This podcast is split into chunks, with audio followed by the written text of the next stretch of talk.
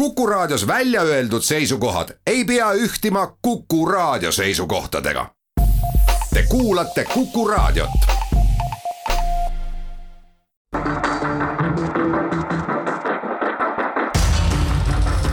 muuli ja Aavik.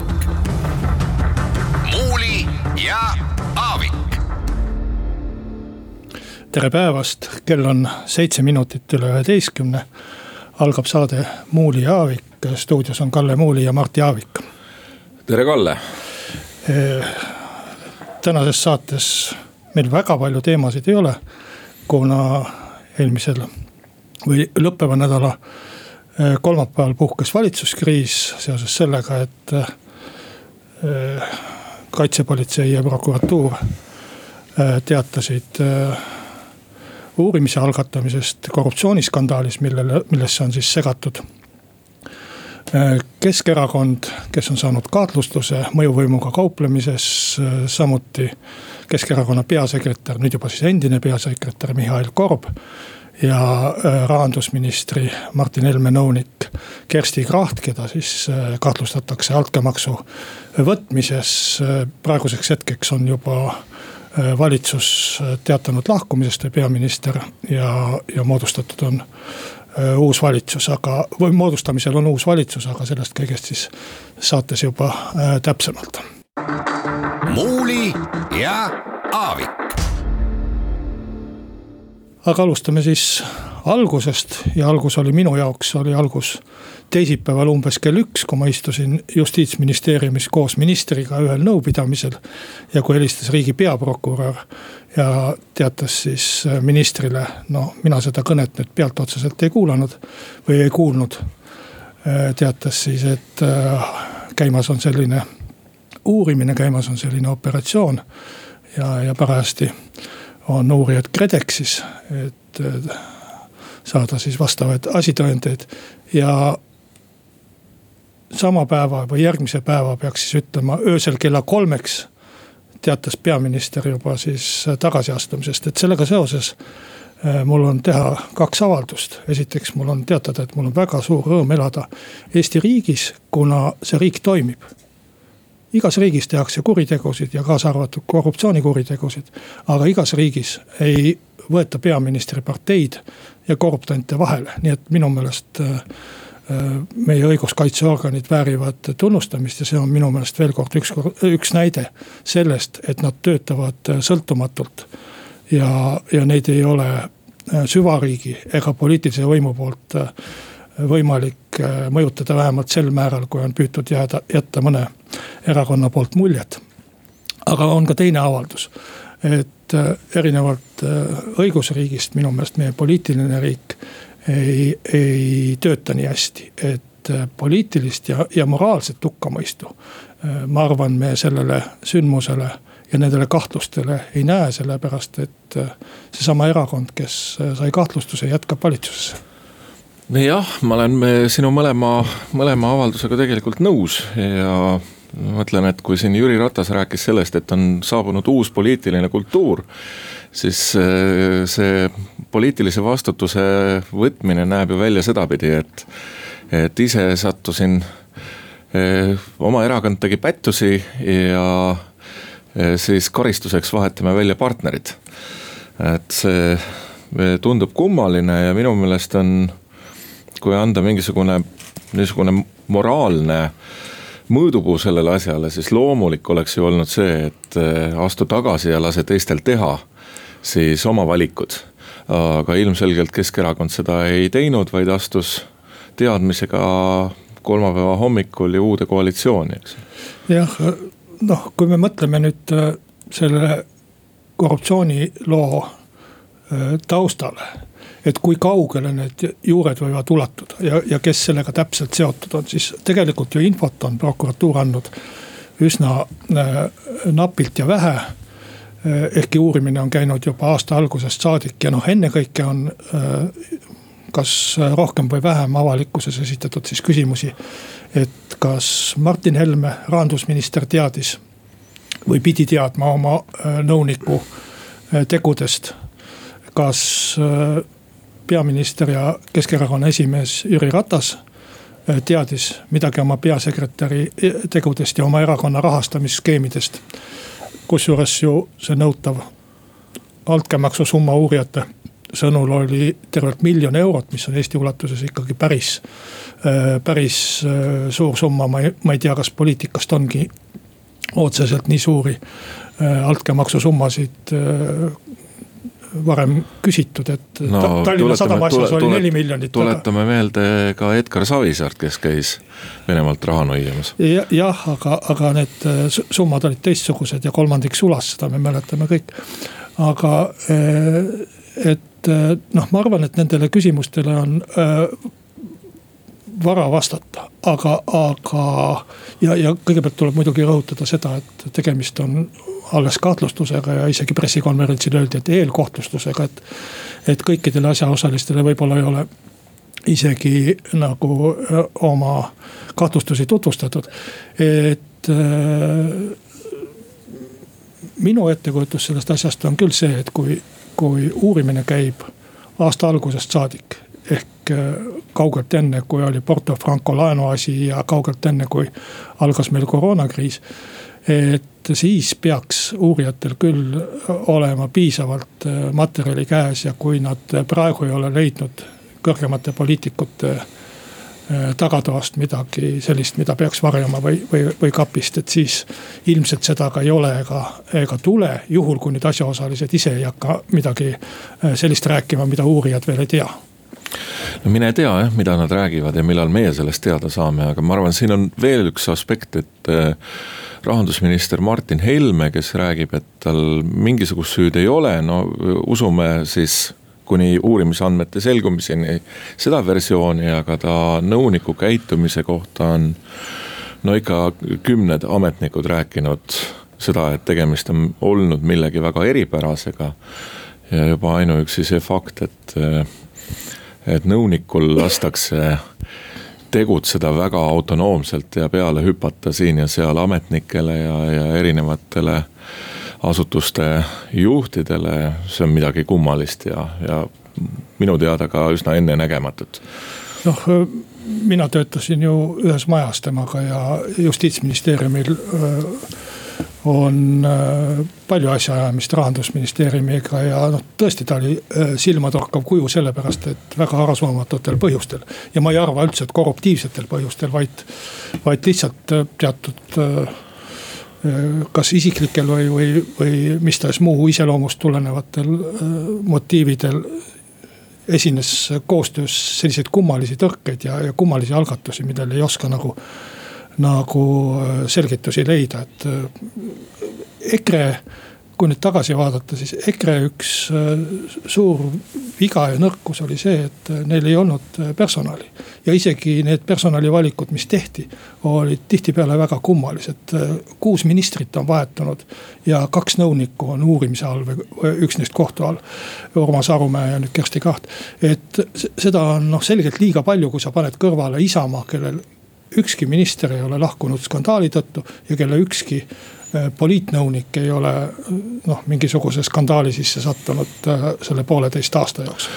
no vot jah, et äh, kui erakond räägib suurte sõnadega mingisugusest süvariigist ja millegi muutmisest, aga enda reaalne käitumine valitsemise juures on noh, pehmelt öeldes ennenägematus, ma arvan, Eesti ühiskond peaks selle ka ikkagi avalikult läbi arutama ja need inimesed, kes võib-olla varem mingisugusest hirmust ei tahtnud ajakirjanikele või ütleme avalikult. tahtsid küll rääkida, aga ei tahtnud oma nime ja näoga välja tulla või võiksid ka seda nüüd teha, et et me saaksime aru, mis seal valitsuses toimus. jah, aga, aga me oleme liialt võib-olla keskendunud praegu Kersti Krachtile, kes vähemalt uurijate arvates tegutses isiklikes huvides, mitte erakonna huvides, püüdis enda rahaprobleeme lahendada, et äh, põhi küsimus selles loos on siiski ju ikkagi Keskerakond ja, ja, ja Keskerakonna rahastamisprobleemid, mis on juba noh, vaata et terve kümnendi või selle sajandi kestnud ja, ja ka kohtusse jõudnud, aga enne kui me sellest rääkima hakkame, teeme vahepeal reklaamipausi.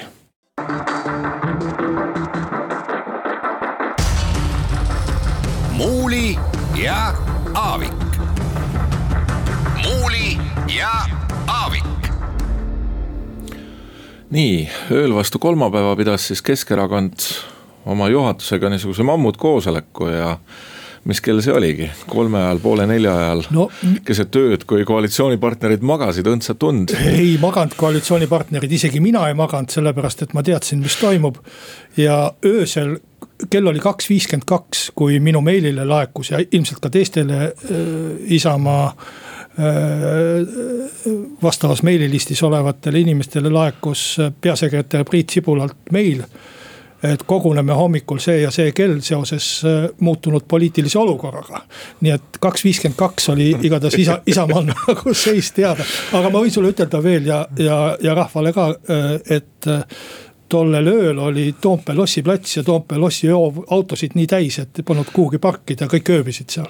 peale vist EKRE juhtkonna tõesti.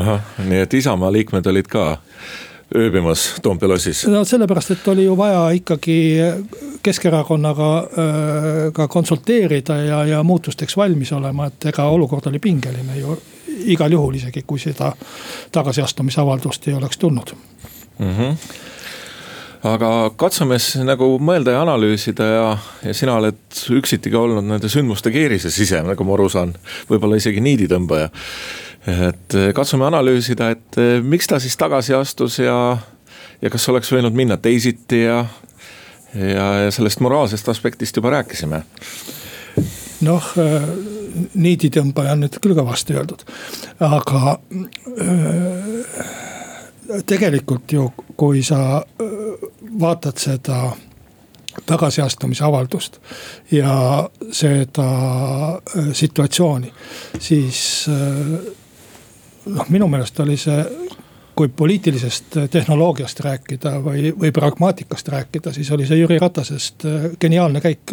noh, võib-olla tema ametiaja üks geniaalsemaid käike, äh, ehkki ta on enne ka silma paistnud väga äh, sellise terase kombinatoorikaga rasketes olukordades. et, et ma arvan, et öösel kella kaks viiekümneks oli Keskerakond või varasemaks ajaks äh, Keskerakond välja raalinud selle, et äh, kui Jüri Ratas tagasi astub, siis nad väga suure tõenäosusega või, või päris kindlasti on ka järgmises valitsuses ja see andis ikkagi võimaluse noh, kõikidest varasematest koormatest vabaneda, et kui, kui on meile öeldud, et, et Jüri Ratas hoiab kümne küünega oma toolist kinni. ajakirjanikud on seda äh, jama äh, rääkinud ja kirjutanud. Äh, ma ei tea Jüri Ratase mingist võimuihast poolteist aastat. see ei vasta ju tõele. me, me nägime seda, ta ohverdas iseenda ameti selleks, et ei, selleks, et tema erakond jääks võimule. ja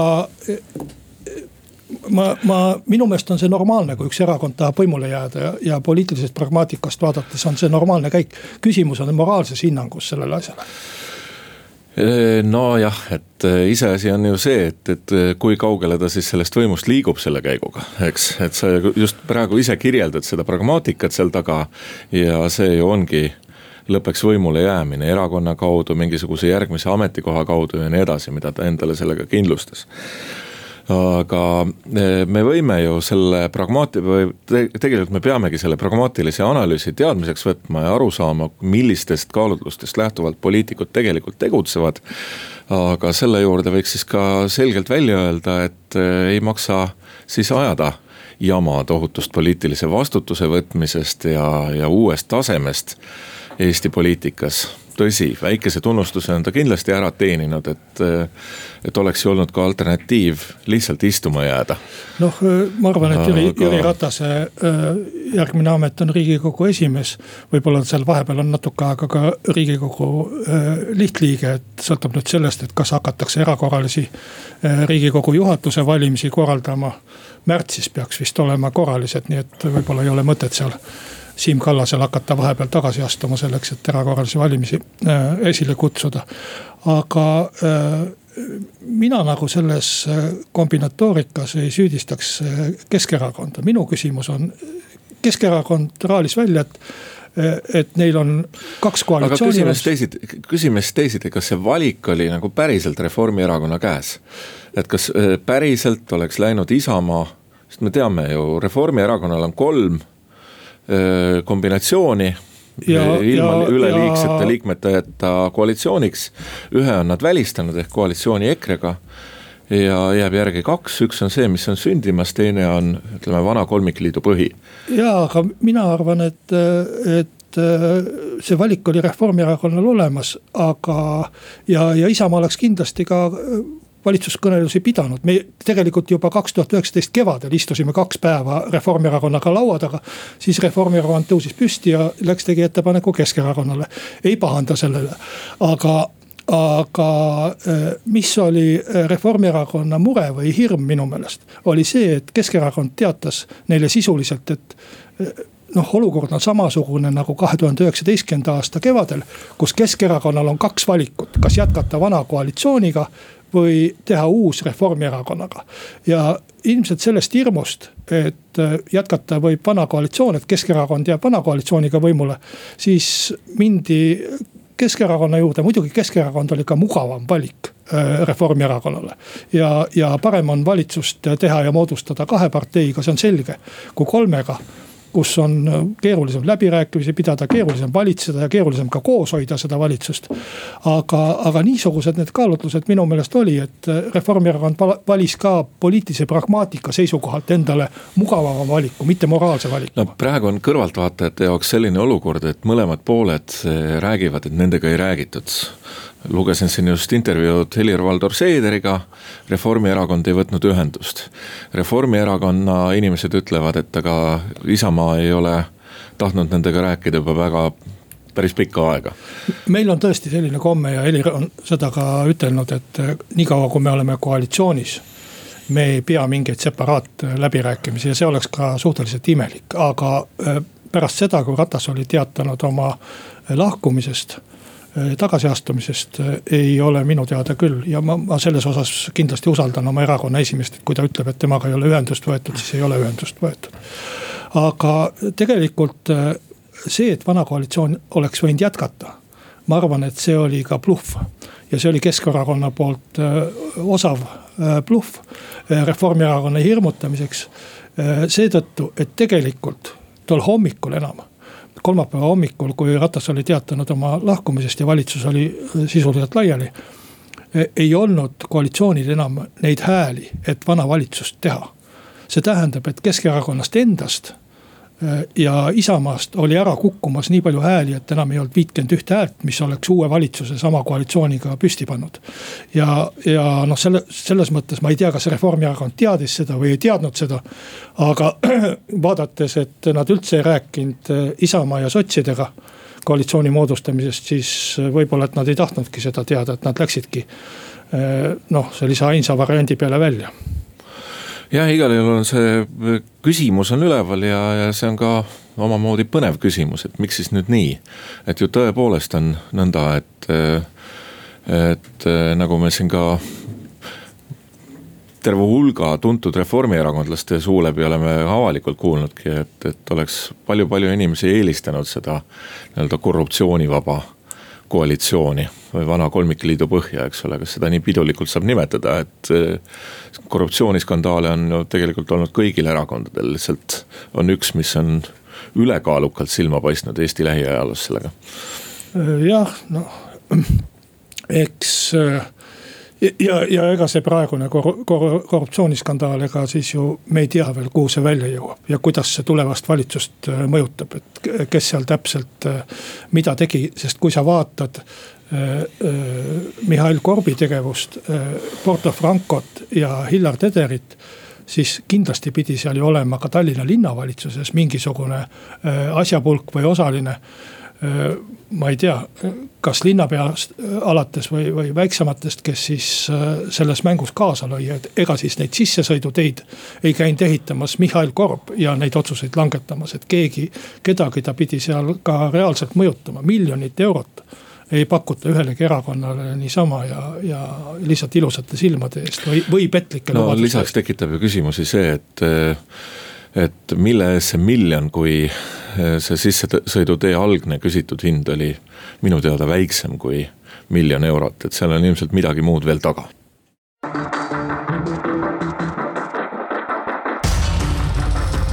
Muuli ja Aavik. Muuli ja Aavik. jätkame saadet stuudios Mart Jaavik ja Kalle Muuli. Rääkisime siin esimesel pooltunnil sellest kuidas valitsuskriis tekkis ja nüüd on tõesti põhjust ütelda, et tegemist on valitsuskriisiga, sest mina käsitlen valitsuskriisi sõna või mõistet ikkagi vanaaegses tähenduses. juriidiliselt. kus äh, valitsuskriisi all mõisteti seda, kui valitsus on teatanud tagasiastumisest või mõni osa, koalitsiooni osaline on lahkunud või kus valitsus on lihtsalt töövõimetu. mitte selles mõttes, et äh, mõni minister ühel pühapäeval kuskil raadiosaates midagi räägib ja siis kolm päeva pärast seda kirutakse ja, ja, ja vannutakse vastamisi et nüüd on siis tõeline valitsuskriis ja, ja, ja sellest me võib-olla siis sellise põgusa ülevaate tegime, aga. aga äh, peaks võib-olla ka ettepoole vaatama, et sisuliselt ikkagi koalitsioonikõnelused on alanud. Äh, Reformierakond ja Keskerakond on teinud esimese avalduse nende alustamise kohta. kokku on neil viiskümmend üheksa häält. võib-olla, et üks siia-sinnapoole sõltub nüüd aga, aga, aga ena, enam-vähem peaks nagu, nagu selline suur häälte ülekaal kindel olema ja, ja noh, nagu me avaldusest ka lugesime. Eesti jätkub äh, Euroopa Liidus ja NATO-s ja ÜRO-s isegi oli esimeses avalduses kirjas, mis äh, tegelikult võib-olla nali naljaks. see oli ka muide eelmise valitsuse esimeses avalduses, aga, aga nali naljaks, aga mis pärast äh, neid äh, uudiseid, mis riigikogust tuli, kus Reformierakonna ja sotsiaaldemokraatide liikmed esitasid ettepanekuid, et Eesti peaks, kas Eesti peaks kuuluma Vene mõjusfääri või lahkuma Euroopa Liidust, et äh, võib-olla, et on täiesti tõsimeelne avaldus äh, rahva rahustamiseks. no ei tea, see, need ettepanekud olid mingisugune iroonia ju, eks, aga, aga võib-olla nüüd. võib-olla see avaldus oli ka iroonia. ka iroonia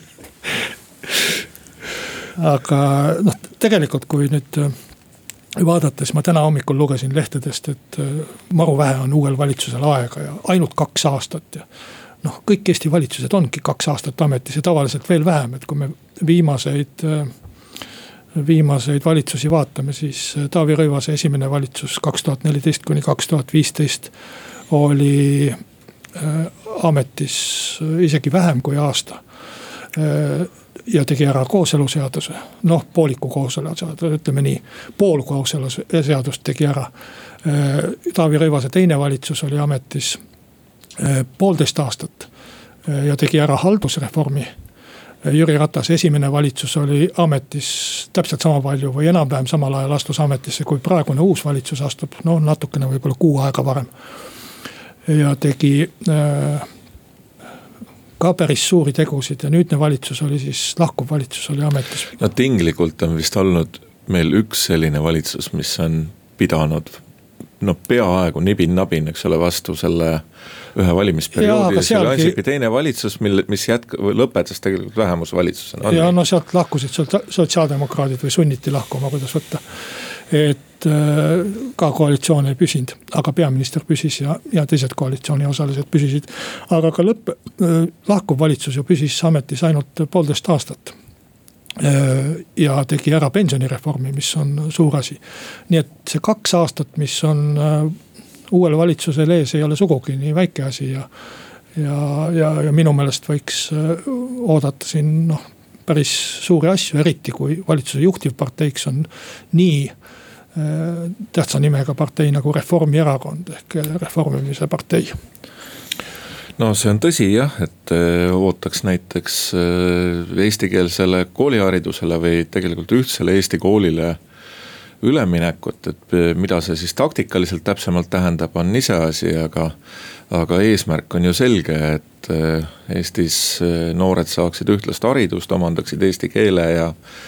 ja, ja, ja õpiksid ka üksteist tundma, eks ole, mis on väga tähtis noh, kui Reformierakonna tähtsamaid valimislubadusi meenutada, siis mulle peast niiviisi meenub äh, kaks tükki, esimene oli viiesaja eurose äh, tulumaksuvabastuse kehtestamine kõikidele inimestele, praegu on see väiksema palga saajatele ehk vaesematele ja sealt edasi siis läheb libiseva graafiku alusel, mis on tuhat kuussada maksuastet või mis seal pidi olema.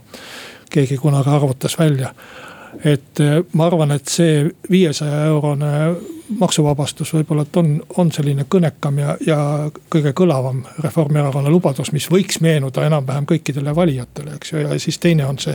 millest sa rääkisid, eestikeelne kooliharidus, et minu meelest oleks kõva sõna isegi see, kui need kaks asja ära teht-, tehtaks, et kui, kui see uus valitsus või Reformierakonna poolt eh, midagi, midagi rohkem. kuuesaja astmega astmeline tulumaks, see on ju Isamaa eh, ettepanek olnud omal ajal? see sündis eh, Isamaa ja sotsiaaldemokraatide kompromissina tõesti. sotsiaaldemokraadid tahtsid üht ja Isamaa tahtis teist ja siis selleks, et kuidagi kokku leppida valitsuskoalitsioonis ja valitsuse moodustamises tehti selline minu meelest mitte eriti õnnestunud lahendus. see ei ole õnnestunud jah, see on üsna selline segadust tekitav, aga teistpidi puhtpraktiliselt, et.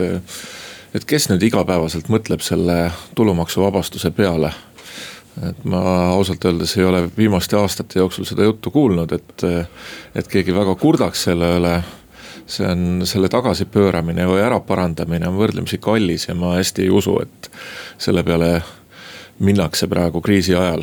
noh, kuidas ta saab äh, tagasipööramine ei saa kindlasti kallis olla, sellepärast et kui ta omal ajal sai tehtud, et siis. kas siis tehti nagu odavamaks kuidagi, ma hästi ei usu seda aga keegi ei taha ju tagasi pöörata, keegi ei taha ju vaesematelt inimestelt seda tulumaksuvabastust no, ära võtta. just, just, just, eks ole, aga et see on ühtlase viiesaja eurose tulumaksuvabastuse tekitamine, eks. noh, aga ma arvan, et eks Reformierakond pidi ju öö, oma valimislubadustes või valimisprogrammis selle hinda teadma, kui nad lubasid, et nad teevad seda.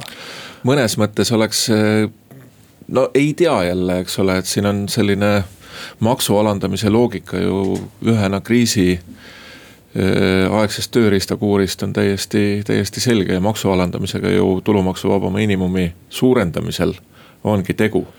et äh, noh, lahkuva valitsuse üks selliseid äh, noh, majanduspoliitilisi sambaid oli see, et makse ei tõsteta ja uusi makse ei kehtestata. ja tegelikult algaval aastal või, või käimasoleval aastal Eesti maksukoormus eelarvepoliitika või eelarve järgi peaks vähenema. et selles mõttes oleks huvitav näha, et mida Reformierakond üldse tegema hakkab, et need avaldused on senimaani olnud üsna sellised noh, et on koroonakriis ja et ega me väga midagi teha ei saagi. noh, mina ise loodan, et koroonakriis lõpeb kevadeks ära ja, ja sellest edasi võiks vaadata ikkagi suurt äh, majandustõusu, mis on ju eelarvesse praegu planeeritud, noh. esimese aasta tõus ei ole väga suur, aga, aga, aga siiski no nii ta on jah, aga kevadeks lõpeb ära, eks siin on selle koroonakriisiga palju tegemist, aga. Aga väga suure põnevusega ootaks, et äh, mis on siis järeldused, kui nüüd äh, koalitsionäärid kuulavad rahandusministeeriumi ametnikke ja milline see riigi rahanduse suunamine saab olema nagu põhimõtteliselt, et. et, et ma ei ole päris kindel, kas meil üldse nagu avalikkusena täit pilti on ees sellest, et mis seal Martin Helme tegutsemise ajal on juhtunud selle riigi rahandusega noh, mis ta on juhtunud, on see, et seoses koroonakriisiga on riigieelarve defitsiit vabaks lastud. võid praktiliselt teha, mida tahad ja see on üle-euroopaline Äh, vabaks laskmine, mitte Eesti mingi omaalgatus, et me selles osas peame euroreegleid ju äh, mm. jälgima, et. Äh, sellise... Reformierakond on, on propageerinud või, või rääkinud opositsioonis olles sellest, et riigi kulusid tuleks kokku tõmmata ja tuleks kärpida, et, et see võiks olla nagu ka üks selline postament. See on üks küsimus nendest jah, mida, mida ilmselt tuleb esitada, aga ma tooks selle juures sellise võib-olla labasevõitu võrdluse, et kui te teete kõrtsis ühel õhtul kõigile välja, siis see on üleelatav aga kui te samal õhtul joki, šripsis päi annate lubaduse, et te kõigil järgnevatel õhtutel teete ka välja, siis äh, siis see on pankroti tee, eks ole, ja siin ongi see struktuurse ja nominaalse eelarve puudujäägi teema ja vot Eh, tahaks aru saada, mis, mida see valitsuskoalitsioon siis planeerib selle eelarve põhimõtete juures, et ega nad nii väga ühel meelel, vähemalt sõnades ei ole ju olnud varasematel aastatel sellest, kuidas riigi rahandust peaks korraldama. no ma arvan, et rahandusministeeriumi võtab või rahandusministri portfelli võtab Reformierakond endale ja, ja prognoosiks siin noh, nii varajases staadiumis võib-olla nimesid ei ole viisakas või mõistlik ütelda. aga ma arvan, et eks Andres Sutt selleks äh, rahandusministriks saab või on, on väga tugev pretendent sellele kohale. aga äh, rääkida nüüd, et kõik kõik, kõik on uus jaanuarikuus. et tegelikult ju ikkagi pool valitsust jääb äh, Keskerakonna kätte, kes siiamaani on valitsust juhtinud. ja, ja noh kuskilt ka lugesin, et oi, nüüd tuleb hakata koroonaga võitlema ja nüüd küll nüüd on hea koroonaga võidelda ja uusi vaktsineerimisplaane teha. ma arvan, et Tanel Kiik jääb sotsiaalministriks ja selles mõttes ei. seal ei muutu midagi. seal, seal ei muutu. võib-olla, võib-olla detailides võib-olla on mingisugune hoiak natukene teine, aga, aga niisugust põhimõtet, kust me selle põhimõttelise muutuse üldse siia võtame, eks ole. ja, ja kas seda ongi vaja üldse, sellepärast et minu hinnangul küll on siiamaani koroonakriisiga ja ka majanduskriisiga väga hästi toime tuldud. suremuse numbrid elaniku kohta on võrdlemisi väikesed Euroopa mastaabis. tööpuudus, mis on ka minu meelest oluline näitaja, on võrdlemisi väike. poole, peaaegu poole väiksem kui eelmise kriisi ajal, eelmise kriisi ajal oli üle üheksakümne tuhande töötu. praegu viiskümmend viis tuhat või, või kaheksa koma millegiga protsenti ja, ja, ja ka vaktsineerimine on, on läinud ütleme selline, et Euroopa seal esiotsas olles, esikümne sees olles noh, need numbrid siin iga päev muutuvad ja ei tahagi praegust seda täpselt kohta välja ütelda, nii et. ma arvan, et Tanel Kiik on hästi oma tööga hakkama saanud ja, ja oodata siin mingit põhjalikku murrangut. No mis me siis peaksime selle koroonaga nüüd tegema, ega siis päevapealt ei saa seda ära kaotada. jah, et ma küll väga avalikult ei hakka su sõnadele kaasa kiitma, kas ta on hästi või kuidas hakkama saanud, aga. aga minu meelest on üks väga oluline küsimus korruptsiooni, järjekordse korruptsioonisüüdistuse saanud Keskerakonnaga see, et et kes selles järgmises valitsuskoalitsioonis saab siis siseministri ja justiitsministri portfellid. et äh, see ei ole mingisugune isikute küsimus, aga see on ju põhimõtte asi, et äh, et see erakond, kes on parasjagu uurimise all, no olgu, teevad koos valitsuskoalitsiooni, aga. ikka ei peaks vist valitsuses olema, aga las ta siis olla. et selline erakond ei peaks võib-olla hetkel olema seal valitsuses, aga las ta siis olla. aga, aga justiitsministri ja, ja siseministri positsioonid, vot neid küll ei tohi nüüd Keskerakonna kätte anda, et see on juba maineliselt ju pööraselt halb, eks. no küllap ka ei anta, et seda viga ilmselt ei tehta, aga äh, reklaamipaus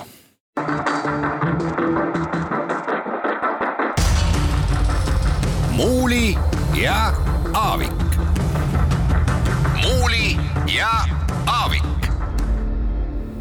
Meie tähelepanu on muidugi äh, sellel, mis äh, hakkab edasi juhtuma ja see on täitsa loomulik, aga päris kummaline on mõelda, et, et meil on Eh, selle nädala keskpaigaks juba ära ununenud see, et president tegi nädala alguses ettepaneku lahendada abielureferendumi küsimust hoopis teistmoodi.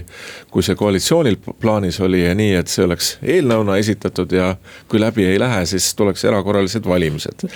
ja kutsus kõiki erakondade juhte enda juurde, aga näed, nüüd on hoopis teised teemad. minu meelest ajakirjand-, minu meelest ajakirjandus toetas ka äh, tohutult erakorraliste valimiste korraldamist ja arvas, et riigikogu on omadega täiesti ummikusse jõudnud. no äh, jah, et äh, aga ikka ju, ma arvan, et sinagi vaatad ikka maailma selles, selle informatsiooni põhjal, mis sul parasjagu hetkel on, eks ole, et et muidu me läheme juba täitsa vandenõuteooriatesse, et kust me pidime teadma, et eh, teisipäeval võetakse siin inimesi kinni ja, ja tuleb ilmsiks selline korruptsiooni asi.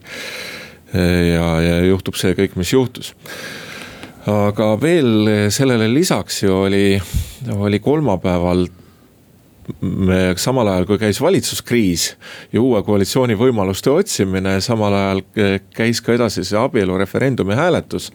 mina jälgisin seda peaaegu, peaaegu kogu see aja ja see oli mõnes mõttes ikkagi päris, seal oli koomilisi elemente ka päris piisavalt ja üks selline keskne oli see, et kui veel päev varem olid eh, EKRE saadikud rääkinud väga veendunult ja terve koalitsioon sellest, kuidas enamushäältel peab olema ikkagi õigus, siis riigikogu esimees kolmapäeval hurjutas terve parlamendi läbi, et kuidas võib nii olla, et, et enamushäältega mingisugune otsus tagasi lükatakse. ja see ju juhtus selle abielureferendumi eelnõuga.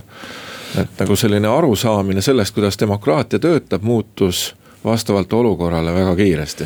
jah, poliitikas ongi nii ja poliitikud peavad selleks äh, valmis olema.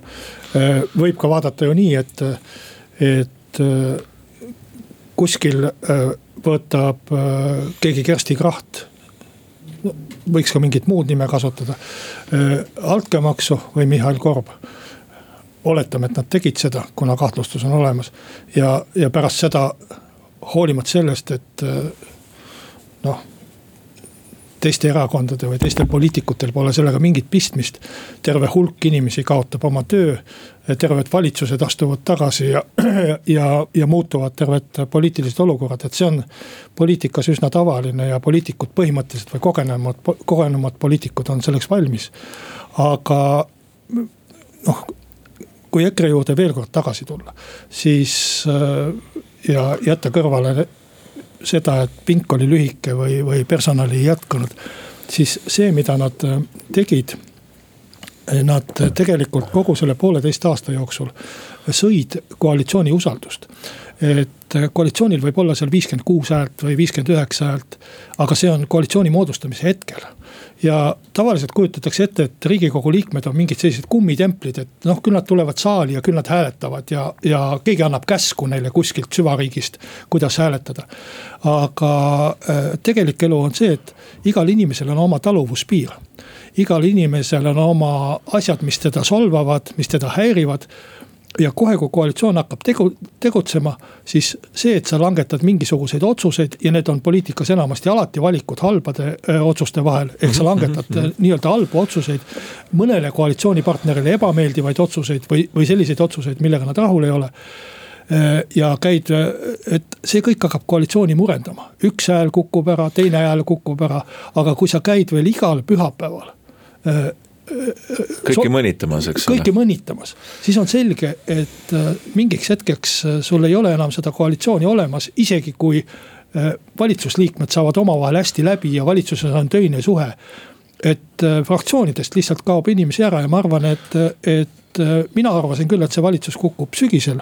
ma ei näinud seda ette, mis toimus äh, nüüd. no ma arvan, inimesed, raadiokuulajad võivad ju kujutleda, et ega see ei ole palju teistmoodi kui see, kui teie oma eraelus või tööelus vahel koguneb vimm, eks ole, kui ikka kiusatakse ja mingisugused konfliktid on üleval lähed kaasa, lähed kaasa, aga lõpuks on see piir käes, eks ole. ja niimoodi on ju ka nende koalitsiooni riigikogu liikmetega olnud, et üks asi on hääletus, aga teine asi on see, et et pärast siis pahaselt ette ja pärast pahaselt pobisetakse, eks ole, mida, mida nad tegelikult mõtlevad. ja, ja see on äh, avalikuks tulnud ja ilmselt see EKRE-ga ei ole oma kuulsa uue stiiliga tegelikult ei ole osanud arvestada sellega, et sa, sa ei saa kogu aeg nagu vinti peale keerata, on vist nii? noh jah, et äh, mis ma ikka oskan ütelda, et see tegelikult oleks, on, on iga koalitsiooniga nii, aga, aga EKRE lihtsalt võimendas seda ise. Äh, seda, seda lagunemist ja, ja lahkhelisid ja siis olid äh, ühel hetkel väga imestunud, kui selgus, et koalitsioonileppe täitmiseks ehk abielureferendumiks, mis oli tõesti kokku lepitud, järsku ei ole enam hääli.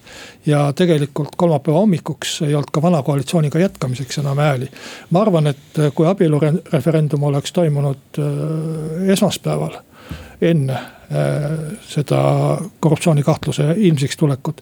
et siis oleks veel hääled olemas olnud ja, ja oleks ta ära hääletatud, aga, aga nüüd ei ole nagu pahandada enam midagi kallale jah, nii ta on ja mina arvan isiklikult, et on päris hea, et et äkki on need mõneks ajaks sellised kultuurisõdade teemad eh, meie ühiskondlikust debatist noh, ega ta nüüd päris maas ei ole, aga et, et äkki me saame nüüd natukene aega rahulikult elada, et me ei eh, vaidle siin kurjalt mingisuguse ühe vähemuse ühe väga väikese vähemuse eluele, et kuidas nad ikka on ja kuidas nad ei ole. ma äh, ei ole selles nii kindel, sellepärast et ega. no need... huvitatud osapooli muidugi on, Eesti kakssada kasvõi, eks ole. ja EKRE muidugi ka. et äh, pole üldse välistatud, et samasugune obstruktsioon nagu sotsid ja Reform äh, tegid lahkuva valitsuse vastu ja abielureferendumi vastu ja mitte ainult abielureferendumi vastu, ka erakondade rahastamise järelevalve üleviimise vastu riigikontrolli alla tehti ju viiskümmend tuhat äh, muudatusettepanekut. et ma arvan, et äh, täiesti võimalik, et äh, igale seaduseelnõule tehakse nüüd viiskümmend tuhat ettepanekut edaspidi Eesti riigi, riigikogus, et. et iseenesest oleks tegelikult olnud huvitav, kui see obstruktsioon oleks saanud lahenduse riigikohtus, et kas nii võib teha, nagu Poolamets ja komisjon tegid või ei või. et siis oleks meil see elu selgem olnud, aga noh, läks nii, et, et et äh, see hääletati lihtsalt riigis, riigikogus maha ja, ja me seda juriidilist lahendust selgeks ei saanud. aga sellega on meie saade selleks korraks lõppenud, järgmisel reedel kell üksteist jälle, kuulmiseni.